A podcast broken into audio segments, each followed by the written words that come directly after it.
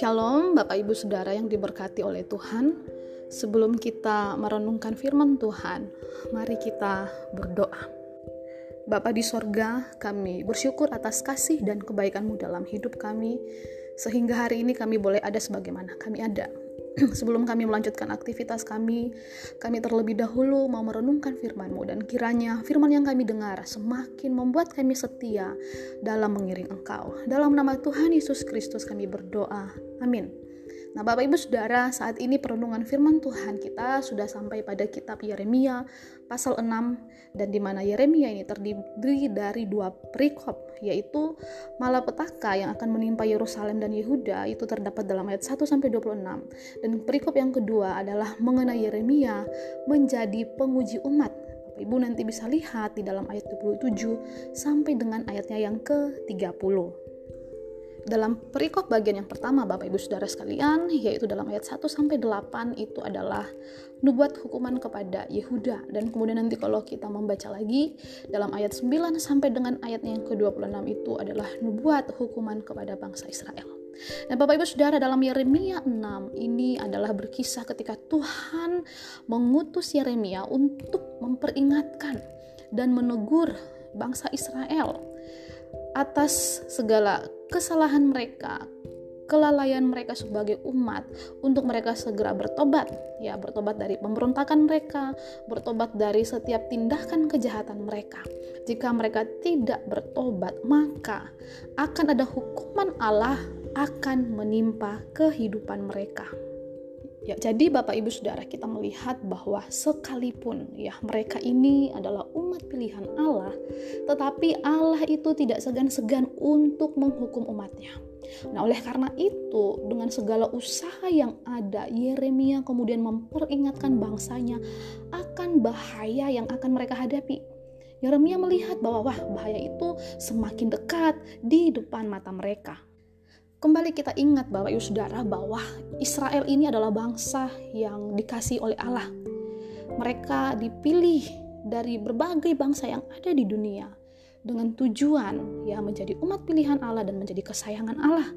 Ya dalam hal ini saudara-saudara Allah memisahkan mereka supaya menjadi umat kesayangan Allah sehingga Allah memberikan tuntunan dan pengajaran-pengajarannya kepada uh, umat Israel dan kemudian melalui kehidupan bangsa Israel di mana mereka dituntut untuk hidupnya berbeda dengan bangsa-bangsa lainnya di muka bumi pada saat itu. Nah, orang-orang lain atau bangsa-bangsa lain kemudian bisa mengenal Allah. Namun dalam perjalanan kehidupan mereka mereka gagal saudara-saudara untuk hidup sesuai dengan rencana Allah atau hidup di dalam kehendak Allah atau mengikuti segala ketetapan-ketetapan yang dilakukan Allah. Bangsa Israel kemudian tidak meresponi ya diri mereka sebagai umat pilihan bukannya mereka melakukan setiap perintah yang diberikan Allah, hukum Taurat, dan ketetapan-ketetapan lainnya yang sudah diberikan. Mereka sebaliknya, saudara-saudara, mereka malah membuat rancangan-rancangan mereka sendiri yang kemudian membuat Allah murka. Ya, murka terhadap mereka.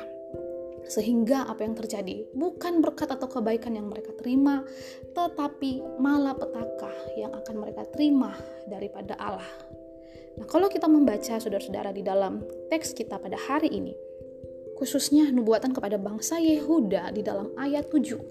Firman Tuhan berkata, "Seperti mata air meluapkan airnya, demikianlah kota itu meluapkan kejahatannya.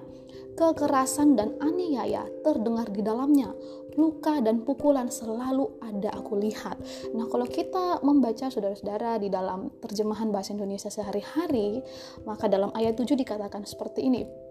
Sebagaimana mata air tetap mengeluarkan air segar, begitu pula kota itu tetap menghasilkan kejahatan hanya berita kekerasan dan perampokan belaka yang ku dengar dari kota itu.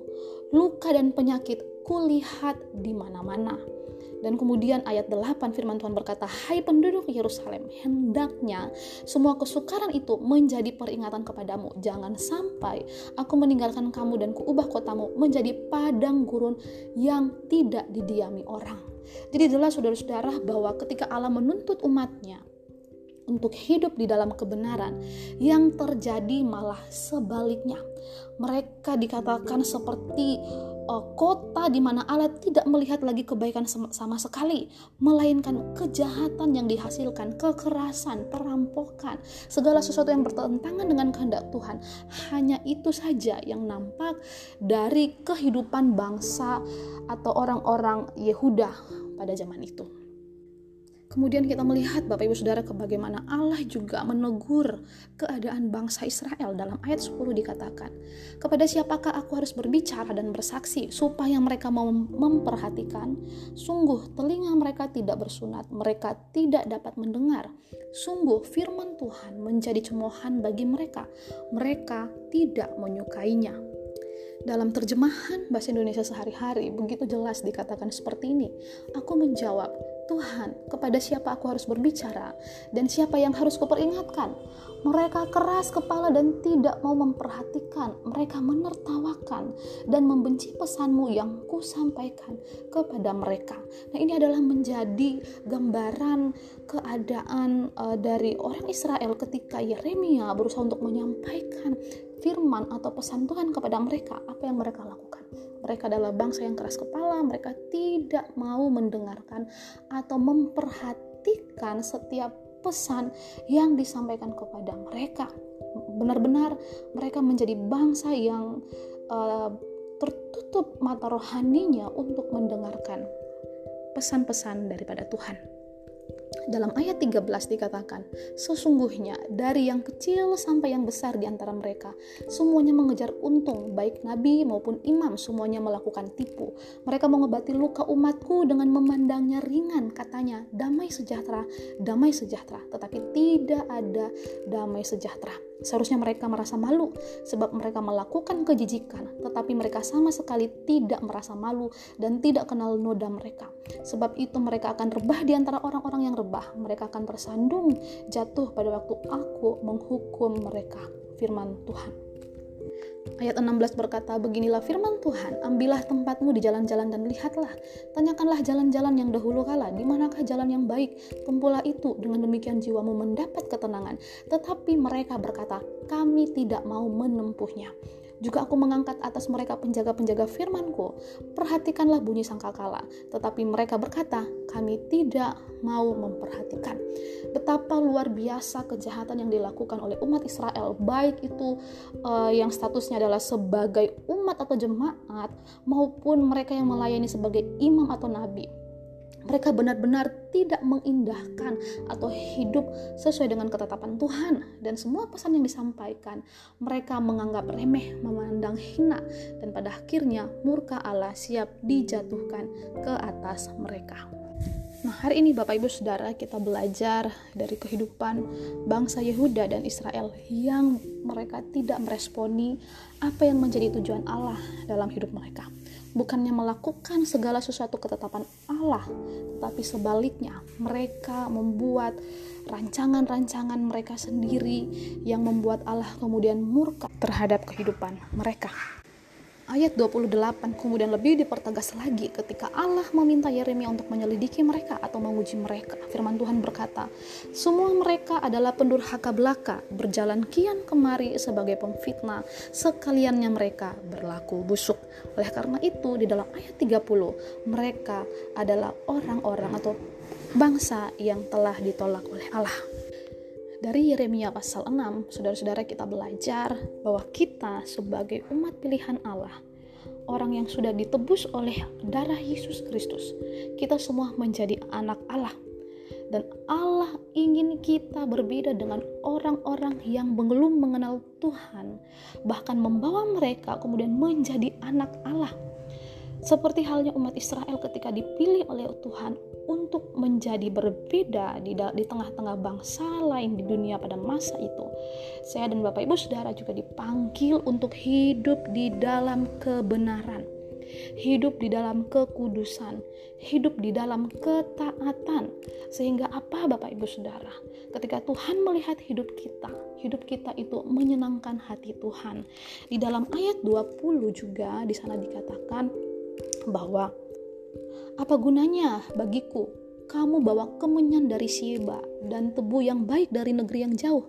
Aku tidak berkenan kepada korban-korban bakaranmu dan korban-korban sembelihanmu tidak menyenangkan hatimu. Jadi kita melihat Bapak Ibu Saudara bahwa segala sesuatu yang kita berikan kepada Tuhan itu menjadi tidak berguna jikalau kita memiliki karakter yang bertentangan dengan kehendak Tuhan, karakter yang bertentangan dengan kebenaran firman Tuhan. Nah, inilah yang harus kembali kita menyadari bukan seberapa banyak kita memberi korban kepada Tuhan, bukan seberapa banyak kita memberi untuk pelayanan Tuhan, bukan seberapa banyak dan seberapa hebat kita mengeluarkan uang untuk pelayanan, tetapi bagaimana gaya hidup kita adalah gaya hidup yang memuliakan Tuhan, menjadi jemaat yang taat, menjadi jemaat yang dengar-dengaran kepada Tuhan, sehingga melalui hidup kita seharusnya tujuan Allah ketika menciptakan umat Israel itu tercapai, yaitu kita menjadi berkat dan orang mengenal Allah melalui kehidupan kita. Oleh karena itu, Bapak Ibu Saudara yang dikasih oleh Tuhan, di mana pun kita berada hari ini, ingat identitas kita bahwa kita adalah murid Tuhan. Jangan menjadi orang yang bebal seperti yang disampaikan di dalam Yeremia 6. Ketika firman Tuhan datang kepada mereka, mereka malah mengabaikan bahkan mereka menertawakan setiap pesan yang disampaikan oleh Tuhan. Kalau kita mau diberkati oleh Tuhan, saudara-saudara, maka mari hidup sesuai dengan kehendak Tuhan, hidup sesuai dengan ketetapan Tuhan. Ketika orang Israel hidup di dalam keinginan dagingnya sendiri, maka bukan berkat yang mereka terima, tetapi kutuk dan hukuman yang mereka dapatkan. Oleh karena itu, Bapak Ibu, menjadi umat yang diberkati oleh Tuhan. Mari hidup sesuai dengan kebenaran firman Tuhan. Jangan melakukan hal yang tidak berkenan kepada Tuhan. Apa? Seperti apa? Kita belajar dari bangsa Israel, melakukan kecurangan, melakukan penipuan, melakukan penyembahan berhala, tidak menghormati Tuhan sebagai Allah, tidak mendengarkan setiap kebenaran yang disampaikan berlaku kasar, berlaku tidak adil, dan segala sesuatu hal negatif lainnya yang mencirikan sebagai manusia lama itu tidak pernah ditanggalkan. Nah, itu semua yang kemudian membuat kita semakin jauh dari Tuhan dan menjadikan diri kita sebagai pemberontak terhadap Allah. Oleh karena itu, mari ingat kembali identitas kita yang adalah anak Allah yang telah ditebus oleh Tuhan untuk hidup sesuai dengan kebenaran sehingga tujuan Allah menciptakan kita itu tercapai. Apa tujuan Allah menciptakan kita? Yaitu melalui gaya hidup kita, melalui kehidupan kita secara pribadi, orang akan mengenal Kristus dan mereka menjadi anak Allah. Demikianlah firman Tuhan yang bisa disampaikan pada pagi hari ini, kembali mengingatkan kita siapa kita dan apa yang menjadi tanggung jawab kita sebagai orang percaya, yaitu kita adalah anak Allah dan kita harus menjadikan diri kita cerminan kasih Kristus taat kepada firman Tuhan, sehingga melalui hidup kita orang memuliakan dan mengenal nama Allah. Tuhan Yesus memberkati. Shalom.